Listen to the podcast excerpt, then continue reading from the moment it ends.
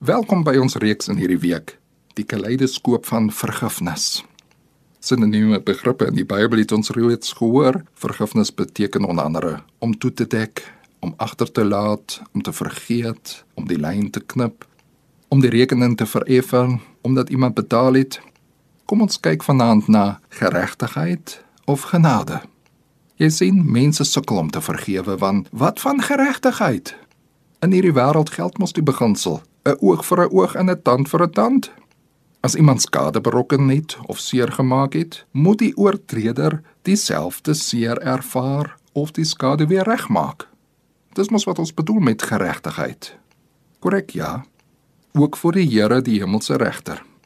Dus 'n mens kan nie net sommer sê kom ons vergeet en vergewe nie. Nee, dit sou genade wees. En as iemand begenadig word, dan kan daar nie geregtigheid wees nie, of hoe? Dit lyk asof ons of genade betoon of geregtigheid laat geskied. Albei kan nie te gelyk werk nie of hoe. Dit kan. In die Christelike geloof hou ons vol dat elke sonde straf verdien. En onthou, nie slegs die daad van oortreding is strafbaar nie, maar reeds die gedagte is verdoemlik. Soos Jesus self sê, wie vir sy naaste sê jou idioot moet verantwoording doen in die helse vuur, Matteus 5:22. Of Elkeen wat slegs na 'n vrou kyk om haar te begeer, het reeds in sy hart egbreuk gepleeg. Hoe sal ons dan ooit voor God kan bestaan as geregtigheid sal geskied? Maar dit is dieselfde Jesus wie se lewe daarvan getuig dat geregtigheid wel plaasgevind het.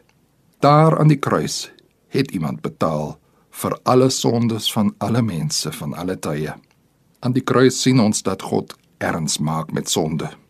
Maar die evangelie, juis die blymakende boodskap is dit omdat geregtigheid plaasgevind het, daarom kan daar ook begenadiging plaasvind.